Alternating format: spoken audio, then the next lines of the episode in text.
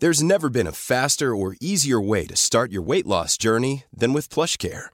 PlushCare accepts most insurance plans and gives you online access to board-certified physicians who can prescribe FDA-approved weight loss medications like Wigovi and Zepbound for those who qualify. Take charge of your health and speak with a board-certified physician about a weight loss plan that's right for you. Get started today at plushcare.com slash weight loss. That's plushcare.com slash weight loss. plushcare.com slash weight loss.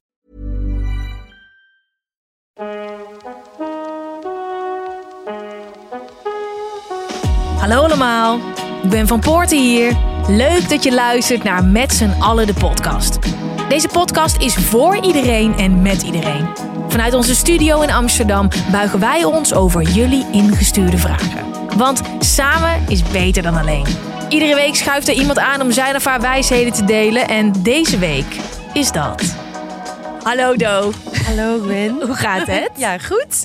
Ehm, hoe eh, zit je erin vandaag? Nou, helemaal blanco. Ik ben er gewoon helemaal, ik laat me totaal verrassen door alles. Ik stel normaal... alles vragen. Oké, alles? Alles. Oké. Je mag alles vragen. Ik geef niet altijd overal antwoord op, maar je mag alles vragen. Heb je een mediatraining gehad? Ooit? nooit. Nee. Oh, dat is namelijk wat je net zegt. Dat, Oh, dat- ja? dat, ma- dat mag ik ook wel eens zeggen. Is dat les 1? Nou ja, ik weet wel, je mag me alles vragen. Maar of ik antwoord geef, dat is een tweede. Ja, nee, maar dat komt misschien, dus, misschien een beetje vanuit, eh, ehm, eh, weet je, door schade en schande wijs geworden. Vroeger dacht ik altijd dat ik overal antwoord op moest geven. Mhm. En nu denk ik, ja, maar dat hoeft natuurlijk helemaal niet. Nee, inderdaad. Dus ja. Nou, we gaan het zien. Ehm, eh, ik wil even tegen de luisteraars zeggen dat ik eh, de studio nog een uur hier heb. Ja, jongens, ik zit eh, bij dag en nacht. En vroeger hadden we een beetje speling. Maar die is helemaal weg, want er staan hier over een uur mensen voor de deur eh, te kloppen. Dus ehm, ik heb eh, eh, twee keer een half uur podcast voor jullie. Ehm, want wij zaten vanochtend een beetje in tijdsnood. Zeker. Ik, was, eh, ik reed automatisch eh, naar een andere studio toe. En toen dacht ik ineens, "Waa, ik heb niet goed in mijn agenda gekeken. Ik moet helemaal aan de andere kant van Amsterdam zijn. Ja, en, en maar wat een stress is dat dan? Ik heb precies wat jij hebt. Ja. Ik heb ook wel eens op een plek gestaan dat je dan denkt, maar ik moet daar zijn. En dat je denkt, hoe kan ik nou dat hebben bedacht dat ik daar moest zijn? Maar Ja. dat is gewoon op gevoel. Ja, dat is dan toch een soort automatisme. Dat Ja. je je aannames, hè? Ja, Aannames. Toch? Aannames. Eh, maar wij gaan dus eh, eh, beginnen eh, zonder die eerste vragen. Gewoon meteen vol gas met de lieden, jongens. Dan gaan we 3, Woehoe! 2, 1. Ja, oké. dan hoor je meteen waar de podcast over gaat. Hallo allemaal. Ik ben Van Poorten hier. Leuk dat je luistert naar Met z'n allen de podcast.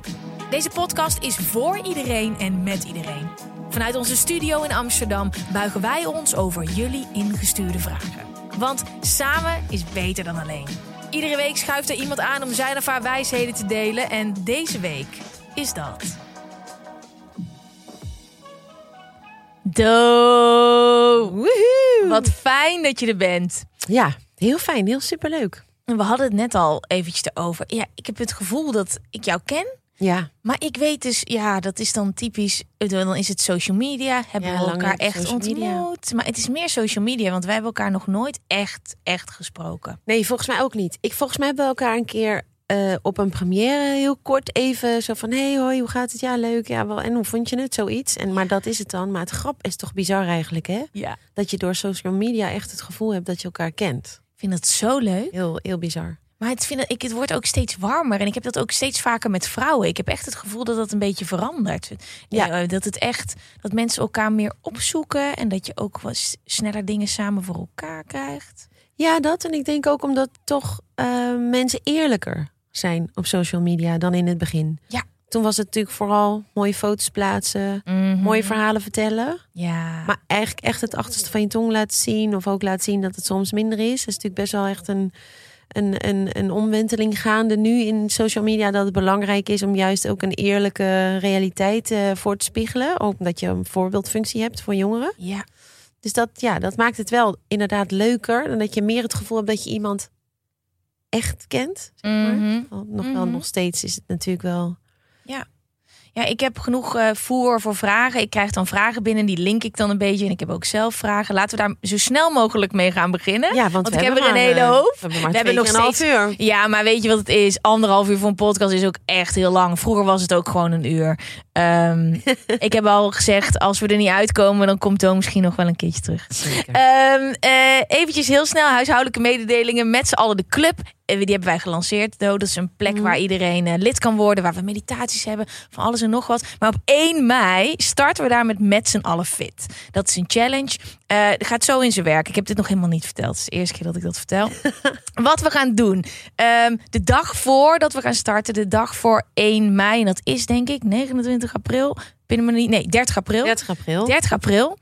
Wow, 29 april. Goedemorgen, jongens. Eh, het is geen februari. Precies. Ja. Ehm, gaan we op Zoom met elkaar een, be- aan elkaar een belofte doen. Je kan zelf kiezen wat je wil gaan doen. Iedereen is anders. Wat voor mij fit is, is voor jou misschien. eh, dat heb je al lang onder de knie. Iedere ochtend Mhm. water drinken. Drie keer in de week naar de sportschool. Eh, mijn doel wordt drie keer per week naar yin yoga.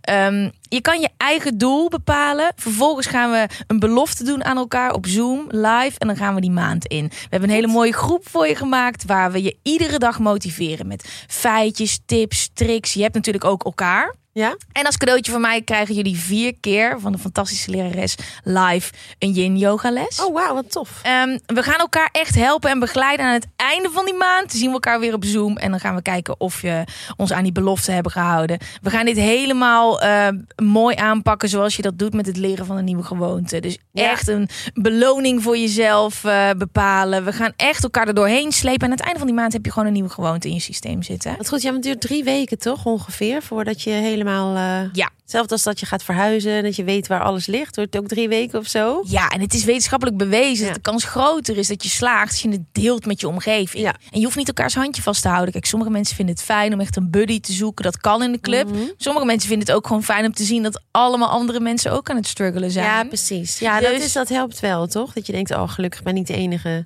Precies, precies. Ik heb er heel veel zin in, want in mijn lichaam heeft echt yin yoga nodig en ik skip het steeds en ik heb meer rust nodig. Ik ga jullie ook nog allemaal uitleggen wat yin yoga is, want het is helemaal niet zo actief. Dat is juist heel chill. Maar met z'n allen fit is terug. We gaan beginnen op 1 mei. Als je erbij wil zijn, als je een doel hebt, als je wil knallen, meld je dan aan www.metzallen.nl slash met z'n allen de club. Oké, Do. Eh, eerste vraag. Muziekje. Hey, hey, hey, daar gaan we. Hey, ik ben een gast. Vraag je. Het afgelopen jaar was niet makkelijk voor mij. Wow, dat is wel een vrolijk muziekje, sorry. Op school gaat het niet zoals ik wil. En daarnaast heb ik ook allemaal persoonlijke tegenslagen. En eerlijk gezegd voel ik me er compleet door uit het veld geslagen. Oh, is bijna een ruimpje. Ik vraag me af hoe jij en je gast met tegenslagen omgaan. Oké, voordat we het daarover gaan hebben. ehm, wat was jouw meest recente tegenslag? Bam, lekker positief lekker beginnen. positief. Wat een heerlijke ochtend. Altijd goed. Meteen de shit uit de, uit de weg werken. En Ja. dan kan je weer... eh Ja. Only ways up, hè Ja, dan. precies. Ehm, jeetje, mijn meest recente tegenslag. Moet ik even nadenken. Vind ik moeilijk. Niet Ja, dat ik geen tegenslagen heb in mijn leven, zeker niet. Je Maar, kan ook wel even over die van mij nadenken. ehm, Ik weet het ook niet. ik vind het echt heel moeilijk. Ja, ik stel hem aan jou en denk ik, nou, dan kan ik er wel eentje uit mijn mouw schudden. Maar dat is helemaal niet. Eh, ja, ja, het, maar het kan ook een kleine tegenslag zijn. Ja, precies. Ja, ik zit te denken wat ze Ik weet er wel eentje van jou, van vroeger. Oh ja? Jij zou eigenlijk toptennister worden op Wimbledon. Ja. Ja, dat voelde wel als een tegenslag. Ja. Want wat gebeurde er toen precies? Nou, kijk, ik vond tennissen gewoon echt heel leuk. Hè? Dan hebben we het over toen ik een jaar of 12, 13, 14 was. Ja. Ehm, en eigenlijk gedurende mijn hele trainingsperiode. Hè, dus ik ben begonnen toen ik een jaar of 9, 10 was met, met tennissen. En ik trainde echt vijf dagen in de week. Ja. Eh, of maandag tot en met vrijdag. Eh, eh, na school, van kwart over drie tot zes. En in de weekenden hadden we altijd toernooien. Hè? Mhm. in competitie. Maar ik had gewoon altijd blessures. Altijd. Dus last van mijn knieën. Ben geopereerd aan allebei mijn knieën toen ik 14 was. Ik Wow. had heel vaak blessures aan mijn schouder, aan mijn Achillespezen. Dus uiteindelijk ehm, ik wilde heel graag de beste worden. Hè? Het beste uit mezelf halen op de tennisbaan. Maar daar kwam ik eigenlijk nooit aan toe. Want elk half jaar zat ik weer een half jaar stil met blessures. En als ik dan weer een beetje met fysio en zo opgeknapt was, dan begon ik weer met spelen. En dan zat ik eigenlijk binnen een half jaar zat ik weer met pijn thuis. Dus ik had altijd pijn. En dat is al heftig voor iemand die volwassen is, lijkt me, als kind. Hoe Ja. is dat dan? Want je hebt een droom en je wil dat. En dan zit je lichaam niet mee, terwijl je gewoon heel jong Ja. bent. Ja, het was, ja dat, was, dat was echt een teleurstelling. Ik heb daar echt heel veel verdriet van gehad. Want ik vond tennissen echt heel leuk. En het was ook echt mijn leven. Weet je, al mijn vriendjes en vriendinnetjes kende ik via tennissen. Dus het was ook mijn sociale leven heel erg. En ik ben echt best wel een streber. Ehm, dus ik heb dat denk ik wel echt een beetje moeten verwerken. En ik heb gelukkig in die fase ook ontdekt, want dat was ook toen. Dus zo zie je maar, weet je wel, alles heeft een reden. Daar ben ik echt van overtuigd. Ehm, we speelden altijd eh, toernooien door heel Nederland. Dus was de nationale. Nationale Mhm. kampioenschappen waren in Den Haag. En toen had ik weer een blessure, zat ik weer thuis. Mijn vader was tenniscoach, dus die moest wel coachen daar aan alle andere eh, leerlingen. En toen ben ik met mijn moeder meegegaan, sliepen we daar in een hotelletje. En toen ging ik met haar overdag naar het strand. Eh was in de zomer. En eh, toen hoorde ik links eh, achter in de hoek ergens hoorde ik muziek en karaoke. En toen dacht ik, hé, hey, wat is dat? Toen ben ik daar naartoe gegaan. Toen zei ik, oh, ik wil eigenlijk wel graag een keer een liedje zingen, als dat mag. En toen ben ik s'avonds, want dat was pas s'avonds, mocht iedereen zich inschrijven. Toen ben ik daar naartoe gegaan en toen was ik eigenlijk meteen verkocht. Toen dacht ik, ja, dit, dit vind ik echt te gek. En was het ook zo toen jij je mond opentrok dat iedereen dacht: wauw? Of was dat niet meteen van nature zo? Nou ja, het was, jawel, het was, mensen waren, waren wel positief verrast. Ja, ik zong een liedje van Whitney Houston. Oh my I Wanna god. Dance With Somebody, ook niet het makkelijkste liedje. En ik was 13 of zo, 14. Ja, 13 denk ik. Dus eh, ja, en ik had nog nooit gezongen, geen les gehad, niks of zo. Dus eh, dat was, ja, was heel leuk. En dus, maar daar ontdekte ik echt van, wauw, dat zingen, dat vind ik eigenlijk wel heel tof. En dat was dus omdat ik geblesseerd thuis zat eigenlijk. Ja, dit is ook, ja, ik geloof daar ook heilig in. Ja. En dat is ook, denk ik, wauw. Ik denk dat ik advies kan geven op deze vraag. Maar dat is het. Je ziet op het moment zelf, weet je, die jaren dat jij die blessures had, Ja. had jij echt niet door van, nou, er gaat iets anders komen wat beter is. Maar als je terugkijkt, Ja. is er eigenlijk bijna altijd iets waarvan je denkt, oh, maar als dit niet was gebeurd, ehm, jij zegt, je hebt het niet makkelijk op school. Ik weet, ik wil dit niet als advies geven, maar het kan zomaar zijn dat die schoolcarrière uiteindelijk het helemaal niet voor jou is en dat je ergens anders terechtkomt. Dat je denkt, ja, als het goed was gegaan op school, zat ik nu op een hele andere plek. Ja, absoluut. Nou, je leert er altijd iets van. Weet je, je leert denk ik vooral van je tegenslagen. Mhm. En ehm, ik, eh, want wie is dit wie deze vraag stelt? Of is het anoniem? Anoniem. Ja. Anoniem. Ja. Nou ja, misschien moet je ook even goed kijken voor jezelf naar van wat, wat gaat er dan niet lekker op school? Weet je wel? Zijn het alle vakken? Of is het een specifiek vak wat eigenlijk niet lekker gaat? Of heb ik een slechte relatie met één of meerdere leraren? Of voel ik me niet happy, happy bij de leerlingen? Mhm. Kijk, soms. Ik ben, er, ik ben er wel van overtuigd dat je soms even je schouders ergens onder moet zetten of moet doorzetten. Maar het kan natuurlijk ook zijn dat er gewoon een facet is wat niet helemaal lekker loopt. En als je, als je dat eigenlijk kunt elimineren, dan zijn er heel veel andere dingen die wel tof zijn. Ja. Of waar je wel, waarvan je denkt van hé, maar dit gaat eigenlijk wel heel goed. Dus ja, probeer ook heel duidelijk daarin onderscheid te maken, toch? Mhm. Ja, denk het ik is ook. vaak niet het grote geheel wat niet goed gaat, maar één onderdeeltje. Mhm. Ja, en dat lijkt als je jonger bent, lijkt het dan alles te zijn. Dan zit alles tegen. Ja, hey, je begon zo vroeg al met zingen. ja. En je scoorde ook al op hele jonge leeftijd een hit, toch? Hoe oud was jij toen Heaven in de charts? Twintig.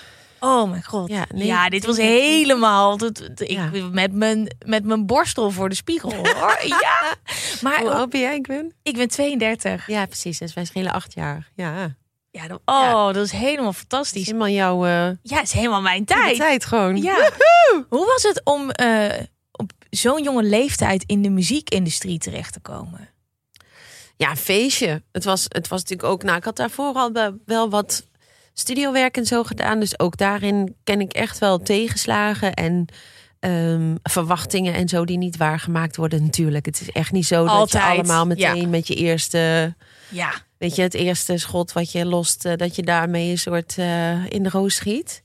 Maar ehm, Ook een hele wijze, hè? Want dat, want dat ziet iedereen wel. Iedereen Ja, ziet dat de hit. mensen. Ik vraag nu ook aan jou. En de hit. En toen, maar dat is natuurlijk die weg daar naartoe is natuurlijk. nee, die was al hartstikke lang. Want ik was eh, toen inderdaad 15 of zo, 14, 15.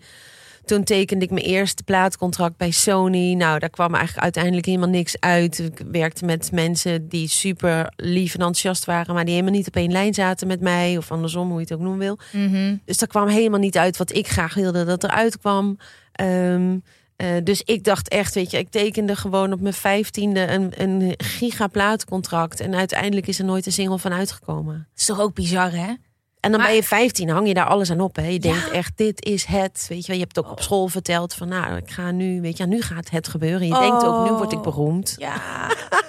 ja. Nou, dat gebeurde dus niet. Nou, en daarna werkte ik weer met iemand anders. Heb ik nog heel lang mee in de clinch gelegen. Dat werkte ook helemaal niet. En toen dacht ik, ja, alles is verloren. Ik ga gewoon maar weer zingen, omdat ik zingen leuk vind. En ging met, weet je wel, eh jam sessies doen en studiowerk doen. En mezelf gewoon muzikaal ontwikkelen. Zorg dat ik gewoon meer kennis van het vak had. En toen, out of the blue, werkte ik in Duitsland. En toen nam ik met een producer daar Heaven op. En dat werd eigenlijk in één klap een gigahit. Monsterhit. Ja. En dan was je nog steeds 20. Ja, Is dat dan gek om in één keer in zo'n tornado terecht te komen? Want Ja. er is niks wat je echt daarop kan voorbereiden. Nee, absoluut niet. En je denkt dan ook al best veel te weten en je weet eigenlijk ook nog steeds niks. Nee, dat, is leuk als je terugdenkt. Ja. Hè? Ja. Ja, en dan denk je echt van, eh, weet je, je bent natuurlijk gewoon zo goed als dat je bent op dat moment. In alles. En ehm, je gaat internationaal. Ik bedoel, het was echt internationaal groot hit. Dus wij waren, ik ben ongeveer anderhalf jaar op tour geweest in Amerika, Canada en Engeland. Dus ik was nooit thuis. Maar hoe vet is Ja, dat? dat is echt fantastisch. Oh, super tof. Wauw.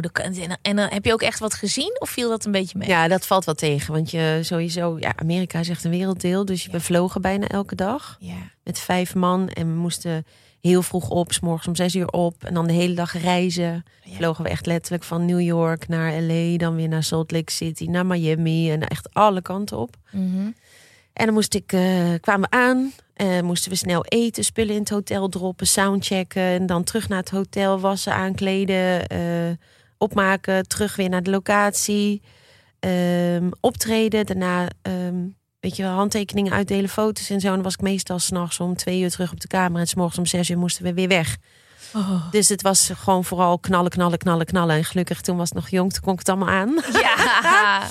Maar ja, dat was, ja, was super tof. Maar ja, er gebeurt zoveel, weet je wel. Mm, ja. Wat is je mooiste herinnering aan die beginperiode? Ehm, Ready to pop the question? The jewelers at BlueNile.com have got sparkle down to a science with beautiful lab grown diamonds worthy of your most brilliant moments. Their lab grown diamonds are independently graded and guaranteed identical to natural diamonds, and they're ready to ship to your door. Go to BlueNile.com and use promo code LISTEN to get $50 off your purchase of $500 or more. That's code LISTEN at BlueNile.com for $50 off. BlueNile.com code LISTEN. Want flexibility? Take yoga. Want flexibility with your health insurance? Check out United Healthcare Insurance Plans. Underwritten by Golden Rule Insurance Company, they offer flexible, budget friendly medical, dental, and vision coverage that may be right for you. More at uh1.com. ja, ik denk het overweldigende succes dat je echt eh, als meisje uit Eindhoven ineens ehm, in New York in Webster Hall staat. Wat een van de meest toffe clubs is in Manhattan. Ja. En dat daar gewoon, eh, ja, hoeveel mensen kunnen daarin? Ik weet het eigenlijk helemaal niet eens. Ik denk 2.000, 3.000 of zo. Volgens mij is het een soort paradiso-achtig formaat. Mhm. Eh, Dat gewoon, ja, de crème de la crème daar jouw liedje mee staat te zingen. Weet je, dat is wel echt zo bizar. Was het een beetje rock and roll? Nou, vooral rock'n'roll met weinig slapen. Maar Maar niet echt. eh, want het is natuurlijk ooit was een clubhit ook. Het was een Zeker, dancehit. ja. Dus je ging naar allemaal clubs. ja, ik ging altijd naar clubs. Ja. Was dat niet echt. eh, ja, maar ja, wij, wij moesten echt, dan was ik zelf om twee uur klaar en dan moest ik om zes uur weer vliegen. Ja, ik, Ja, en ik, ik, niet. ik ben zelf denk ik gewoon te weinig rock'n'roll. Misschien, het scheelt, kijk, je stem bege- mijn stem begeeft het echt als ik weinig slaap. Dat is een blessing. Dat- Als je dan weet dat je goed voor jezelf moet zorgen. Ja, ja, er zijn ja. mensen namelijk die gewoon door kunnen trekken. En dat, dat, zijn, dat vind ik het gevaarlijke. De mensen die er juist goed tegen kunnen. Ja. Ik kan er ook niet goed tegen. Eh, in ieder geval, ja, ik kan het wel, maar dan kan ik daarna niks meer. Nee, Eh, precies. ja. Maar ik zong ook altijd live. Dus het was ook gewoon... Ja. Ik moest gewoon elke avond moest ik weer drie kwartier tot een uur non-stop live zingen en dansen. Mhm. Dus was gewoon no way out of zo. Dus als het dan naar de kloten was, ja, dat vond ik gewoon not done. En mijn moeder deed mijn management in die tijd, dus die was ook overal bij. Misschien dat ik daardoor ook... Oh, wat fijn. Ja, heel fijn. Oh, dat lijkt me heel fijn als je moeder dat je dat dan samen kan meemaken. Ja, dat was super tof. Ja, we hebben natuurlijk ook echt een hele leuke tijd gehad. Het was echt lachen. Ja, en recent heb jij nog meegedaan met Expeditie Robinson Ja. voor de tweede keer. Ja. Ik heb daar nog nooit aan meegedaan. Nee? Nee, dat wil ik ook niet. Jawel. Nee. Iets voor jou. Ja, dat is precies dit dus wat iedereen altijd zegt. Ja. Omdat ik vind die, ja, nou, ik heb wel denk ik duizend keer in de podcast verteld waarom ik niet mee wil doen. Maar ik vraag me af dat, waarom je voor een tweede keer hebt meegedaan. Ja, wat het was het altijd? is. Ja? Ja. Wat is het leukste? Het feit dat je even helemaal afgeschermd bent, afgezonderd bent van de wereld. Dat je gewoon niet weet wat er allemaal gebeurt. Weet je wel, het is, ik heb wel eens gehoord dat als je s'morgens het nieuws open slaat, hè, dus Ja. de krant of nu.nl, weet ik veel wat.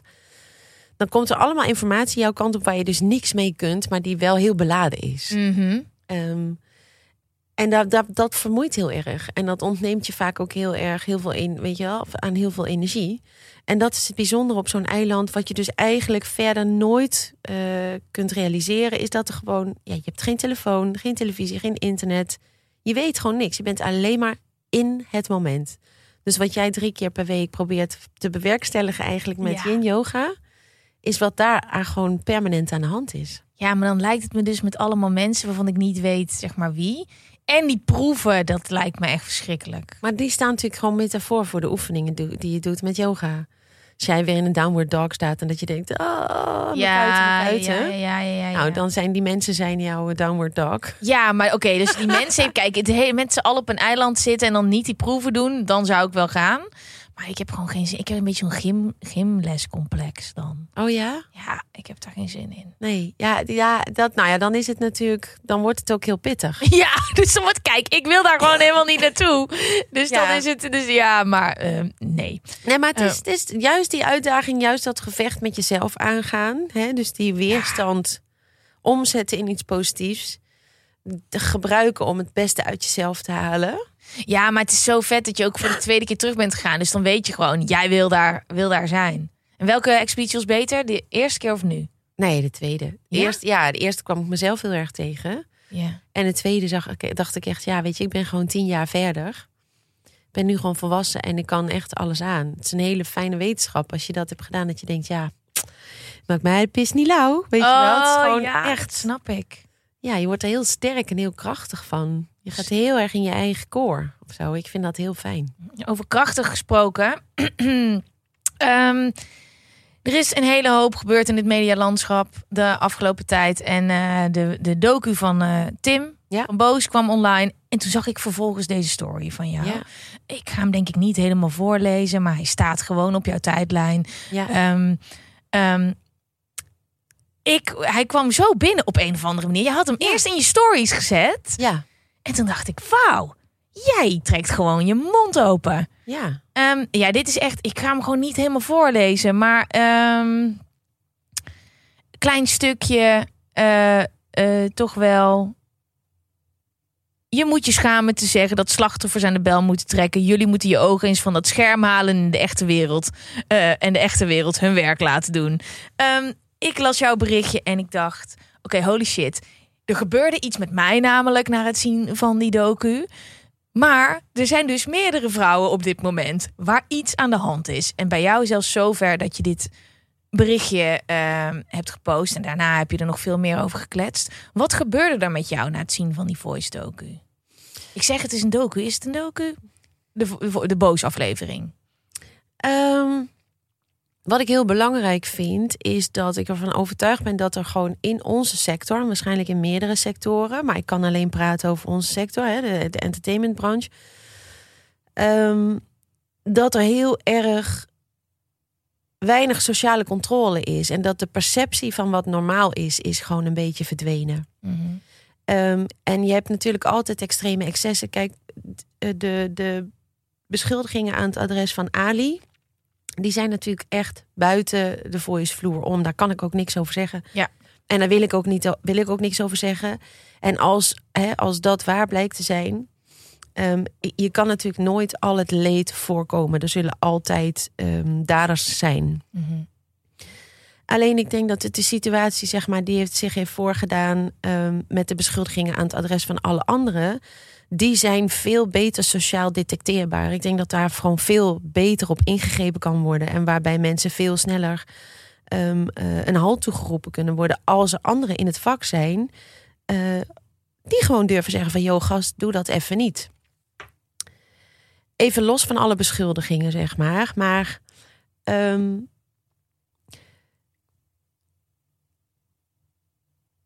bijvoorbeeld, er zijn mensen in het vak die zijn gewoon heel extreem handtastelijk.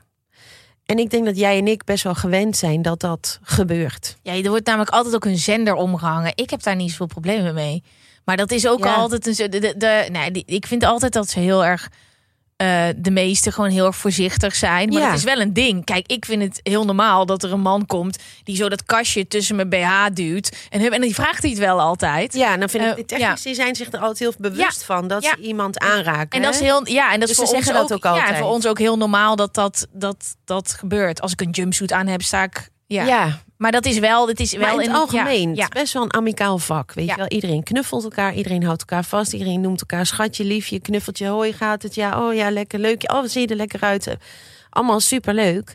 Maar daar, daarnaast zijn natuurlijk wel grenzen waar mensen zich aan moeten houden, denk ik. Weet je wel, waarin je moet conformeren.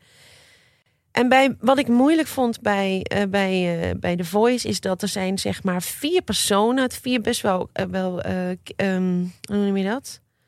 Kernwaardes binnen dat programma, die gewoon waarvan gezegd wordt dat ze over de scheef zijn gegaan. En dat blijkt, dan blijkt het dus dat er dus heel veel andere mensen op de werkvloer zijn geweest die daar niks van hebben gezegd. Mhm. En ik heb dat ook meegemaakt. Bijvoorbeeld met Martijn, hè, de regisseur. Ik denk, hij is extreem handtastelijk. Ik vond het onprettig om met hem alleen in de ruimte te zijn, omdat ik vind dat hij grenzen overgaat. Mhm. Het is soms gewoon heel moeilijk als vrouw om daar iets van te zeggen. ja. En wat ik niet begrijp is dat er niet andere mannen of vrouwen op de werkvloer zijn die dat zien. Die niet gewoon dan zeggen van, joh gast, doe dat even niet. Nee, en eh, je hoeft niet per se een voorbeeld van hem te noemen als je dat niet fijn vindt. Maar kan je zo'n voorbeeld even schetsen? Want ik denk ook, hè, als je achteraf denk je, maar daar zeggen we toch wat van. En als je erop inzoomt, dan zie je dat is Ja, zeg dat, je dat dus doen niks we van. helemaal niet. Want is, is dat dan bedreigend? Is het iemand? Ja, dat is het Is, ik, ja. is het knuffelen of een keer aan je kont zitten of toch wel? Nou, gewoon iemand die eigenlijk systematisch eh, over jouw grens heen gaat. Die Ja. totaal niet voelt Ja. dat jij al een paar keer een stapje opzij gedaan hebt. Of Ja. al een paar keer even Ja. met je elleboog toch heel eventjes die ruimte hebt getracht te creëren. En dan is het niet dat jij zegt, gast, flikker op. Nou, eh, in, in specifiek in zijn geval, kijk, ik moet, laten we één ding vooropstellen, zeg maar. In de hele reactie die ik heb geplaatst, boos, is het niet omdat ik zelf nu nog emotioneel last heb van de situaties waarin ik heb gezeten. Mhm. Ehm, in de situatie met Jeroen Rietbergen, die heeft mij echt aangerand, kan ik letterlijk zeggen. Ja. Weet hij ook, want ik heb hem vol in zijn gezicht geslagen op het moment dat het is gebeurd. En heb ik tegen hem gezegd: Dude, wat fuck? Mhm. Hoezo doe jij dat? Ja. Weet je wel? Ja. En hij heeft toen ook gezegd: Sorry, zou ik het niet meer doen. En ja, ik probeer het gewoon, weet je wel. maar dat ik echt denk. Waar gaat dit over? Maar het het, het is helemaal niet grappig. Maar dat dat soort dingen. No, het- heb jij daar nog jarenlang dat je dacht: oh my god, is het ook hierdoor weer eh, getriggerd? En dat je eigenlijk denkt: fuck, dat was nog meer bizar dan ik eigenlijk dacht op dat moment. Zeker. En dat is Ja. toch, dat, dat vind ik zo bizar. Dat wij iets nodig hebben als de, als de, de boosafleveringen... waar vrouwen gewoon openlijk praten over wat er is gebeurd... en wij nemen ze serieus, dat we dan pas onszelf serieus nemen? Ja, dat. En ik heb toen ook, kijk, in mijn situatie toen, en daar kan, je het alleen maar, kan ik het alleen maar aan mezelf reflecteren. Dacht van, kijk, ik was niet afhankelijk van hem. Ik had niet het gevoel dat hij veel ouder was dan ik, terwijl hij is tien jaar ouder dan ik. Ik was twintig, hij was dertig. Maar goed, hij voelde als een leeftijdgenoot. eh, ik heb hem daarop aangesproken. Hij heeft het daarna ook bij mij nooit meer gedaan. Mhm. Ehm, ik was, denk ik, redelijk opgewassen tegen hem specifiek. Omdat ik me niet bedreigd voelde door hem. Maar uiteindelijk is het natuurlijk niet oké. Dus ik heb nooit het idee gehad van... Moet je dan iemand gaan aangeven? Weet je, je denkt dan van oké, ik, Nee, ik corrigeer iemand. En vervolgens, weet je wel, zegt hij ook van ja, sorry, ik, is en inderdaad niet, dat is niet oké, moet ik niet doen. Maar hij heeft het dus blijkbaar zijn hele leven lang gewoon voortgezet. Mhm. En dat, en, en wat ik het moeilijke eraan vond, is dat ik dacht, blijft toch wel bizar dat eigenlijk iedereen weet dat hij dit doet. Mhm.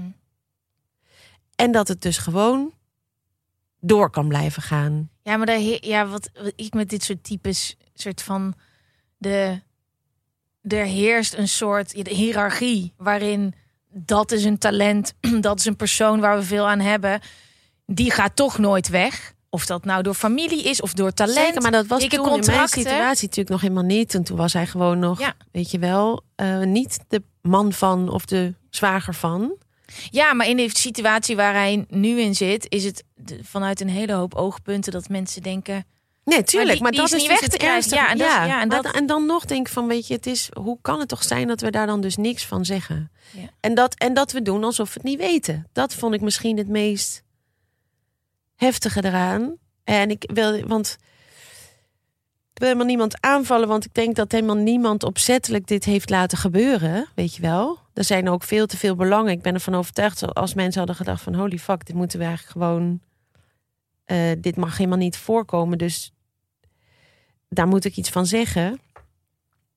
Ja, Maar ehm, ja, ik vond het, ik was gewoon, ik was gewoon verbaasd dat het dus zo lang, zo ver heeft kunnen komen.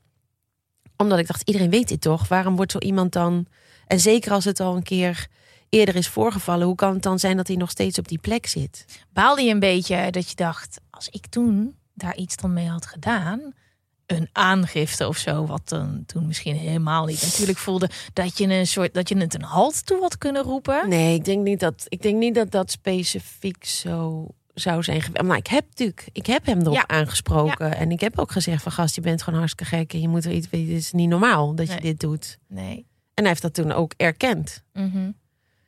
En eh, mijn collega's wisten het ook. Dus het was ook niet zo dat het een soort van geheim was. Mhm.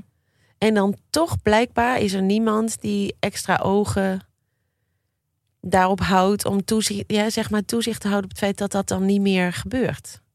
Wat denk jij dat er moet veranderen? En dan heb ik het niet alleen in het voorbeeld van The Voice. Maar wat zou er moeten veranderen dat onze dochters en wij ook nog voor de rest van ons leven daar toch anders in gaan staan? Nou, ik denk dat het supergoed is dat vrouwen veel mondiger zijn tegenwoordig. Hè? Dat ze veel meer durven zeggen van joh, dit klopt niet en eh, ik, ik ga er iets mee doen. Ik denk dat dat supergoed is. Ehm, en ik denk dat het heeft wel absoluut heel erg een bewustwording gecreëerd bij heel veel mannen. Van Mhm. oh, wacht even. Kijk, ik denk dat een man moet zich toch meer bewust zijn van het feit. En misschien schop ik nu heel veel mensen tegen de schenen dat zij door hun fysieke kracht toch al een bepaalde ehm, machtspositie hebben ten opzichte van vrouwen. Mhm. Ik denk dat vrouwen zich toch vaak, en dat is niet altijd, hè, want het is ook wel eens andersom, maar als je het, het, het grootste gedeelte van de situaties bekijkt, ben je als vrouw toch vaak kwetsbaarder dan een man. Mhm. En ik denk dat mannen zich gewoon bewust moeten zijn daarvan. En dat zij misschien ook ehm, bepaalde acties als veel minder dreigend bedoelen dan dat ze ervaren worden. Ja. Dus ik denk dat dat heel belangrijk is. En volgens mij is dat al best wel gebeurd. Want ik heb zo ontzettend veel berichtjes gekregen, ook van mannen, die zeggen van jeetje, ik heb me nooit gerealiseerd. En doordat dit allemaal nu naar buiten komt, ga ik ook nadenken over mezelf. Heb ik ooit zoiets gedaan? Heb ik ooit iemand misschien een verkeerd gevoel gegeven, onbedoeld? Eh, machtsverhoudingen ook op het werk. Want we hebben het natuurlijk nu heel erg over seksuele intimidatie of grensoverschrijdend gedrag. Maar er, is, er is natuurlijk ook, zijn heel veel machtsverhoudingen ook die vaak uit de hand lopen op werk, Mhm. op de werkvloer. Het voelt bijna of dat thema gewoon helemaal nieuw is in Nederland. We wisten het, ja. maar we wisten het niet echt. Ja, nou, we wisten het misschien, maar we dachten dat het allemaal wel meeviel. Dus we hebben er niks mee gedaan. Ja. Maar je zei ook van, bij mij heeft het wel echt iets teweeg gebracht of iets losgemaakt, die uitzending. Wat heeft het dan met jou gedaan? Nou, ik had die avond, ik slaap op de bank als ik een beetje eh, aan het piekeren ben. Dan, en we hebben een hele fijne bank. Die heeft niks met mijn vriend te maken. Maar dan ga ik op de bank slapen. En ik was er de hele nacht mee bezig. Ik had erover gedroomd. Ik dacht in één keer aan allemaal dingen van toen ik jonger was. Ook dat ik wel eens seks met iemand had gehad. Dat ik dan eigenlijk voor de seks dacht... eigenlijk wil ik dit niet.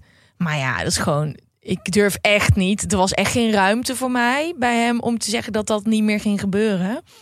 Dat ik achteraf ook echt dacht, ik moet naar huis. En dat hij zei, ja, maar ik ga je echt niet nu nog naar huis brengen. Om twee uur s'nachts. Dat ik echt in een stad waar ik helemaal niks kende, gewoon naar buiten ben gegaan. Er was tijd voor Ubers of zo, weet je wel. Ja, dat je gewoon echt... he- allemaal van dat soort dingen. Dat En hoe oud was je toen? het begin twintig. Ja, toch wel. Ja, Nou, maar- kijk, ik me voorstellen een jongen van 16 dat hij denkt, oh, ja, dat ga ik niet doen. Nee, maar Die nee, hij was maar- veel ouder dan eh, Ja, 20 hoor. ja. Maar er zijn allemaal dingetjes, ook op de werkvloer, hele vervelende collega's, waar ehm, er niet echt naar mij geluisterd werd, omdat alle redactieleden nooit iets durfden te zeggen. Weet je Mhm. wel, die, want- en die, dat probeerde ik dan wel. Dat we een front vormden. Maar dan ben ik zeg maar de presentatrice die Mhm. het dan moet zeggen. Naar mij wordt wel geluisterd. Maar ach, het is allemaal, weet je, allemaal dingen. Een soort boosheid. Eh, dat ik dacht, maar dit is nu wel echt klaar. Dit is nu wel echt klaar. Dit, Als we dit. En, en boos op mezelf.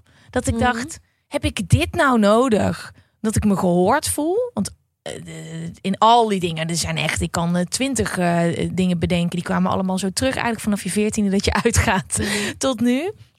Dat ik echt dacht, dit is. Ik werd de volgende ochtend wakker en ook zo'n story van jou, een post van jou. En ik zag Lise Korpers ook iets posten. En ik postte een berichtje en er kwam zoveel binnen. Dat ik dacht, ja, het is nu gewoon echt klaar. En ik ga nooit meer aan mezelf twijfelen. Mhm. Als ik ben, ik, en ik ben hier nu ook in het moment zelf al klaar mee. Ik ga echt geen shit meer pikken. Ik ga me niet onveilig voelen, laten intimideren, aanraken. En niet, alleen, niet altijd ook seksueel overschrijdend gedrag. Ook gewoon enorme klootzakken Mhm. heb ik ook echt geen energie meer voor. Echt, in, in onze wereld zijn mannen en vrouwen gewoon ook types en ego's. Ik ga me nooit meer echt schofterig laten behandelen. Daar heb ik echt geen zin meer in. Goed zo. Ja, dus dat is en, en, ik, en fijn dat dat. Ja, je voelt je sterker door elkaar. Door dit soort dingen. Nou ja, dat. Ik denk dat we gewoon voor moeten dus natuurlijk voor elkaar zorg dragen. Hè? Dat Ja. is daar waar het, het. Mag nooit zo zijn dat je het gevoel hebt dat je er alleen voor staat. Terwijl er eigenlijk heel veel mensen om je heen zijn. Hè? Mhm. Het is ook een beetje dat effect van. eh, hoe meer mensen er zijn als er een ramp eh, op straat gebeurt, hoe minder mensen iets doen. Omdat iedereen altijd denkt: oh ja, die zal het wel. Oh, oh nu doet niemand iets, dus dan doe ik ook maar niks. Ja. We zijn natuurlijk echt zo ehm, eh, van, van onze kern uit kuddedieren. Maar eh, dus met een bepaalde, in een bepaalde situatie heeft dat een hele negatieve uitwerking. En je zou juist je gesteund moeten vo- voelen als je op de werkvloer bent. Mhm. Hè, of waar dan ook. En dat gewoon, Overal, ja. Ja, Ehm, had jij ook met een terugwerkende kracht, en ik weet niet of jij hier al langer mee bezig was, maar het voelde alsof ik met terugwerkende kracht een soort van tsunami aan herinneringen kreeg. En dat ik ze echt, ik sprak met wat vriendinnen dat weekend, dat ik echt het gevoel had dat ik dat moest verwerken. Had jij het gevoel dat er een beetje, dat er allemaal dingen terugkwamen? Nou, er kwamen wel meer situaties bovendrijven doordat je het erover had of zo met anderen, waarbij ik dacht, oh ja, inderdaad, dat was ook nog eh, aan de hand en dat was ook nog aan de hand. Ehm, ik moet wel echt zeggen dat, zeg maar, emotioneel had ik zelf niet specifiek last van, maar ik had wel de behoefte om andere slachtoffers gewoon heel erg een hart onder de riem te steken. Zo van, weet je, het is niet oké en het gebeurt inderdaad. En we staan erbij en we kijken naar en daar moet iets aan veranderen. Weet je, dat moet echt anders zijn. Ehm, maar er kwamen wel heel veel voorvallen uit het verleden naar boven dat ik dacht, och ja, inderdaad, heb ik ook nog, het was ook, dat heeft hij ook nog eens ooit gezegd, of die heeft ook nog eens dat, dat ik dacht, nou ja, het is toch eigenlijk te Ja. bizar voor woorden. En het grappige is ook dat al die dingen waren geen. Als ik een avond uitging, eigenlijk vanaf mijn veertiende, dan is het de normaalste zaak van de wereld dat er de hele avond gasten aan je zitten. In eh, Brabant, in de kroeg, in de club, hup, bij je kont, huppakee, meske, hup, hier ook een keer onder je jurkje. Maar dat waren geen dingen die je besprak de volgende dag met mijn ouders, met mijn vriendinnen. Dat was gewoon, er was helemaal geen happening. Dat is, helemaal, dat is toch te bizar hoor. Ja, ja, ik moet zeggen dat ja, dat is zeker bizar. Ja, ik heb dat nooit echt heel erg meegemaakt. Gelukkig, want ik ging nooit uit. Oh, Ik was eigenlijk best wel jong. Mocht, en jij hebt je twintigste uit. ging jij... En ik eh, was natuurlijk altijd inderdaad aan het werk. Ja, en dan je natuurlijk wel eens aan tennissen. en- Ja. ja, nee, van ik. En mijn moeder was altijd bij me, dus mensen durfden nooit aan me te zitten. Dat scheelt ook. Die heeft natuurlijk wel echt als een soort havik, heeft hij gewoon eh, bovenop alles gezeten om, eh, om ervoor Oh. te zorgen dat, eh, ja, dat er niemand bij mij kon komen. Dus dat heeft natuurlijk mij ook heel erg beschermd. Oh, wat heerlijk. Ja, Nee, ik weet nog wel dat ik was vroeger echt heel feisty. Als ik dan Mhm. in Uden uitging. ja. En dan kwam er rook en dan zat er iemand aan mijn kont. Ik sloeg diegene echt. Echt? Ik Nou, was wat, maar. eh, Toen ging ik naar de Randstad verhuizen. En dan ging ik lekker in Den Haag, koopavond. En dan zat er iemand aan mijn kont, had ik net zo'n grote bek. En dan kwamen er gewoon twintig gasten om me heen staan. oh ja? Ja, dus toen merkte ik wel van oké. Hier, moet, hier kan ik niet Ja, ik heb eh, altijd op mezelf- dezelfde manier... eh, Nee, ik heb mijn mentaliteit wel moeten aanpassen naar, zeg maar... Ik, ja, ik, mijn ouders hebben een sportschool, eh zelfverdedigingssporten Ja. allemaal. Ik heb gekickboxd vanaf mijn zesde, dus ik kon me wel redden. Of, Ja. eh, maar dan je voelde je wel sterk. Ja, maar dan moest op een gegeven moment... Ja, ik kan hier echt niet als iemand mij hier... Ja, dat, dat- ik had echt problemen in Den Haag. Ja, ja dus dat ja, dan werd het heel gevaarlijk als we gingen Ja, winkelen. maar het is natuurlijk heel ernstig dat je dat, eh, dat je dus dat het zover moet komen, toch? Dat is Ja. toch dat het al die grens op moet gaan Ja, zoeken. Dat je iemand voor zijn bek moet gaan slaan omdat hij niet van je afblijft. ja. Weet Ja. je wat ik ook wel heel vaak doe tegenwoordig? En dat geldt eigenlijk in heel veel situaties. eh, is ehm, ik probeer altijd toch op een of andere manier in, de, in het hoofd of in het gevoel van die ander te kruipen. Dus als mensen onaardige dingen tegen je zeggen of roepen of zo, dan meestal denk ik van oké, wat, wat maakt dat jij nu dus het gevoel hebt dat je iets naars moet zeggen tegen mij? Want Mhm. het eigenlijk It's you, not It- me. ja. ja. en het klinkt misschien allemaal heel belezend en zo. Nee, maar dat is Lerend. heerlijk als je dat kan. Nou ja, ook niet altijd hoor. Zeker, en zeker niet thuis met mijn kinderen. maar het lukt me wel heel vaak om het te doen. Bijvoorbeeld op Instagram. Soms laat ik het dan heel eventjes liggen. En dan ga ik nadenken. En dan denk ik van joh. Er waren bijvoorbeeld, en dit is dan nu het meest recente voorbeeld, dus dat is makkelijk. Er was ook een, een, eh, een, ehm, een reactie op mijn bericht. Ja, belachelijk. En dat je zoveel jaren na dato nog daarop terugkomt. En bla bla bla. Want een on die wil gewoon aandacht trekken. Oh ja, nice. En toen heb ik ook gewoon teruggestuurd van... God joh, ik weet dat jij een dochter hebt, hè? Ja. En ik hoop echt oprecht dat als jouw dochter... 18 jaar na dato met dit verhaal bij jou komt... dat je dat nooit tegen haar zult zeggen. Mhm. Want... My god. Ja, en dan, ja, en het is zo fijn als je hem zo om kan buigen. Dat Ja, is echt heerlijk. En dan Ja. merk je echt dat mensen echt denken... holy shit, ja, inderdaad. zo fijn hè, als, ze dan, als je dan iets, Ja. iets schrijft en dat mensen dan terug... Want dat gebeurt ook vaak Maar dat online. is het. Want het, is natuurlijk, het zijn ook maar hersenspinsels hè, die gewoon eh, de eter ingeslingerd worden. En waarbij mensen gewoon achter hun computer uit een soort Mhm. spontane reactie iets, eh, iets intikken. Zijn- bij heel veel mannen is ook heel veel angst nu. Ja, En, en, en eh, het enige wat ik tegen mannen wil zeggen die luisteren is... weet je, praat met vrouwen om je heen en ben er bewust mee bezig. En je mag best wel denken, fuck, ik heb ook wel eens een vrouw op de kont getikt... toen ik uitging. Fuck, het is, dat is oké, weet je, dat soort dingen gebeuren. Maar doe het gewoon niet meer. En praat ook met je vrienden hierover, weet je. Dan- precies. En ik denk ook dat, kijk, ehm, wanneer is iets aanranding of wanneer is iets een soort spontane actie waarbij als iemand zegt, joh, gast, doe even niet. Die zegt, ja, sorry, dat was helemaal niet de bedoeling om, weet je wel. En ik, er is ook een verschil tussen amicaal of handtastelijk. Mhm. En ik denk ook, we moeten nu niet allemaal op eieren gaan lopen. Weet je wel. Je weet wanneer jouw intentie niet oké is. Ja. Dat weet Ja. je. Ja. ja, Ik had- las een heel ja. interessant stuk. Je moet altijd bedenken, als dit nu over mij op de voorpagina van de krant geschreven wordt, de actie die ik nu uitvoer, zou ik me daar dan voor schamen of sta ik er nog steeds achter? Wauw. Wauw. Is dit een artikel? Ja, dat was een Oh, artikel uit je- het buitenland. Ja. Oh. Wow, dit is echt een game changer. Hey, ik ga even deze aflevering afsluiten. En dan gaan we naar de volgende aflevering Ja. voor nog een half uur podcast. Ik ben echt benieuwd aan het smokkelen, jongens. We kunnen ook gewoon een stoel voor de deur neerzetten. Precies. We gaan gewoon verder.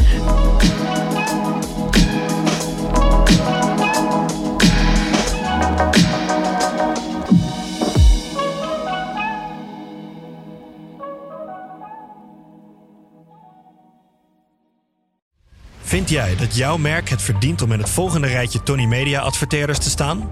Bol.com, Google, HelloFresh, Samsung, Coca-Cola, Land Rover? Dat kan, zolang je maar betaalt. Mail naar adverteren@tonymedia.nl. Weet je waar ik zo'n tyfushekel aan heb? Toeristen, als het te druk is in de stad, zelf koken. Ja, alles wat je nu zojuist benoemt. En daarom maken jij, denk Daan Hogevorst, Ja, Robert Rodenburg. een podcast waarin we alleen maar klagen. Want klagen is HET medicijn tegen het collectieve leed wat maandag heet. Dus elke maandagochtend een nieuwe te horen op je favoriete podcast-app. Maandag Klaagdag! Jezus, zingen moeten wij nooit doen. Here's a cool fact a crocodile can't stick out its tongue. Another cool fact you can get short term health insurance for a month or just under a year in some states. United Healthcare short term insurance plans are designed for people who are between jobs, coming off their parents' plan, or turning a side hustle into a full time gig. Underwritten by Golden Rule Insurance Company, they offer flexible, budget friendly coverage with access to a nationwide network of doctors and hospitals. Get more cool facts about United Healthcare short term plans at uh1.com.